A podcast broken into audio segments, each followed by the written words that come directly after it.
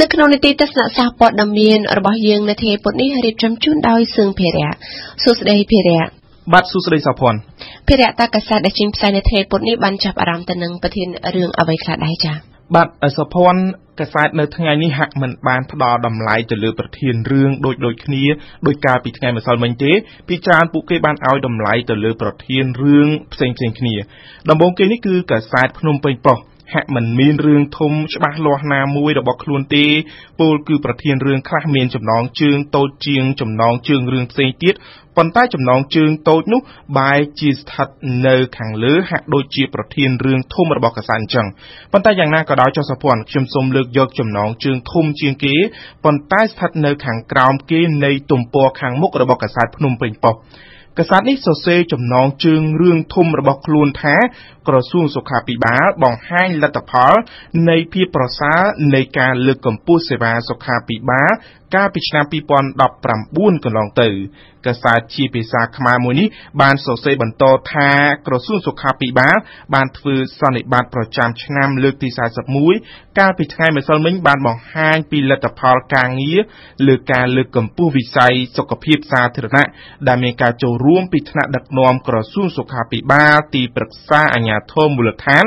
និងមន្ទីរសុខាភិបាលរាជធានីខេត្តទាំង25ស្ថាប័នពាក់ព័ន្ធនិងដៃគូសុខាភិបាលជាតិនិងអន្តរជាតិប្រមាណជាង500នាក់នៅសន្តាគារសុខា ភ្នំពេញក៏បន្តដោយធ្វើការដកស្រង់របាយការណ៍របស់ក្រសួងសុខាភិបាលមកចុះផ្សាយថា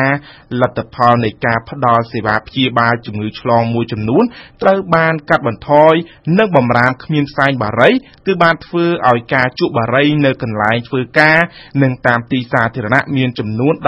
17%ខណៈអាគារមានចំនួន71%មានប័ណ្ណបង្ហាញស្លាកសញ្ញាហាមឃាត់ជក់បារី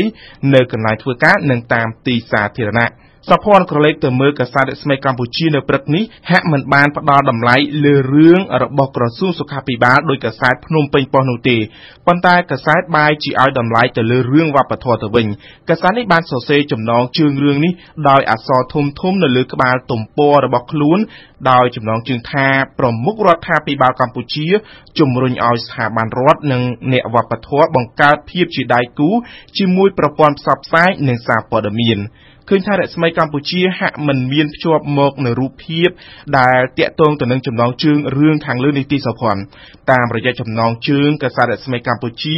បានសរសេរតួសេចក្តីនៃរឿងថាប្រមុខរដ្ឋាភិបាលកម្ពុជា បានជំរុញឲ្យមានការបង្កើតភាពជាដៃគូរវាងក្រសួងនិងស្ថាប័នរដ្ឋនិង Facebook ផ្ទាល់ខ្លួនរបស់អ្នកវប្បធម៌ជាមួយប្រព័ន្ធផ្សព្វផ្សាយនិងប្រព័ន្ធសារព័ត៌មានឯកជនដើម្បីបន្តផ្សព្វផ្សាយចែករំលែកនៅខ្លឹមសាររូបភាព និងវីដេអូនានាដើម្បីរំលឹកនិងអបអរទិវាវប្បធម៌ជាតិនិងព្រឹត្តិការណ៍វប្បធម៌ដែលមានអត្ថប្រយោជន៍ផ្សេងផ្សេងទៀតជាមួយនឹងស្មារតីស្រឡាញ់វប្បធម៌ជាតិឲ្យបានទូលំទូលាយដល់ប្រជាពលរដ្ឋកម្ពុជាជាពិសេសយុវជនដែលជាអ្នកបន្តវេននិងជាសសរទ្រូងនៃប្រទេសជាតិ ក្រឡេកទៅមើលកាសែតកោះសន្តិភាពនៅព្រឹកនេះវិញសុភ័ណ្ឌក៏មិនមានប្រធានរឿងអ្វីដោយទៅនឹងកាសែតភ្នំពេញប៉ុស្តិ៍និងរស្មីកម្ពុជាដែរកោះសន្តិភាពទៅជាផ្ដាល់តម្លៃខ្លាំងទៅលើរឿងអាកាសធាតុទៅវិញសុភ័ណ្ឌ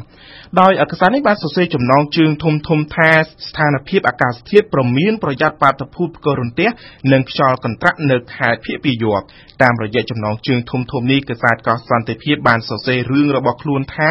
ក្រសួងធនធានទឹកនិងអូតូនិយមនៅថ្ងៃទី3ខែមីនាម្សិលមិញបានចេញសេចក្តីជូនដំណឹងស្តីពីស្ថានភាពអាកាសធាតុនិងសូមឲ្យមានការប្រុងប្រយ័ត្នចំពោះបាតុភូតផ្គររន្ទះនិងខ្យល់កន្ត្រាក់ដែលនឹងអាចកើតមាននៅតាមបណ្ដាខេត្តភៀកពីយ័ព្យនៅក្នុងប្រទេសកម្ពុជាដែលខេត្តទាំងនោះរួមមានខេត្តឧត្តរមានជ័យបន្ទាយមានជ័យសៀមរាបបាត់ដំបងនិងប៉ៃលិនចាប់ពីថ្ងៃទី4ដល់ថ្ងៃទី6ខែមីនាខាងមុខ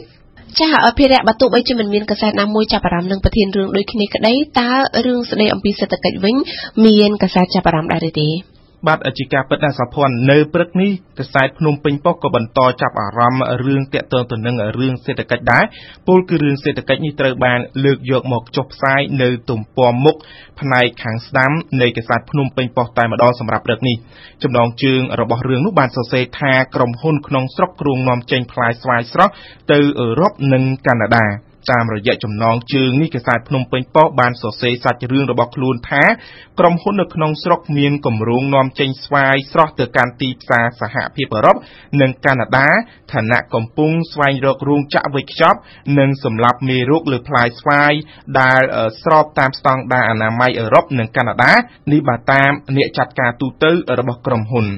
ឃើញថាសុភ័ណ្ឌមិនមានកសែតផ្សេងណាទៀតដែលលើកយករឿងតាក់ទងជាមួយនឹងសេដ្ឋកិច្ចហ្នឹងមកចុះផ្សាយទំព័រមុខរបស់ខ្លួនទេក៏ប៉ុន្តែនៅព្រឹកនេះដែរកសែតខ្មែរថាមឯនោះវិញក៏ចាប់អារម្មណ៍ទៅនឹងរឿងស្រដៀងគ្នានេះដែរក៏ប៉ុន្តែតាក់ទងទៅនឹងវិស័យអចលនទ្រព្យនៅក្នុងខេត្តព្រះសីហនុសុភ័ណ្ឌតាមរយៈកសែតខ្មែរថាមនៅព្រឹកនេះឃើញថាខ្មែរថាមបានលើកយករូបភាពក៏ដូចជាដាក់រូបភាពធំមួយដែលបង្ហាញអំពីទស្សនវិជ្ជាអគារខ្ពស់ខ្ពស់ក៏ដូចជាសំណង់អគារដែលកំពុងសាងសង់នៅឯខេត្តព្រះសីហនុខាងក្រោមរូបភាពដែលមានអគារតូចធំនៅក្នុងខេត្តព្រះសីហនុនោះកាសែតខ្មែរថាមបានសរសេរចំណងជើងថាក្រុងព្រះសីហនុបច្ចុប្បន្នក្រោយពីជនជាតិចិនចាកចេញពីទីក្រុងនេះតាមរយៈចំណងជើងនេះកាសែតខ្មែរថាមបានផ្ដល់តម្លៃរឿងរបស់ខ្លួនដោយផ្ដើមជាមួយនឹងការសម្ភាសប្រភពម្នាក់បង្ហាញពីចំណាប់អារម្មណ៍របស់គាត់កាលពីទស្សនាក្រុងព្រះសីហនុកាលពីមួយឆ្នាំមុនហើយនឹងក្រុងព្រះសីហនុនាពេលបច្ចុប្បន្ននេះសភ័ណ្ឌ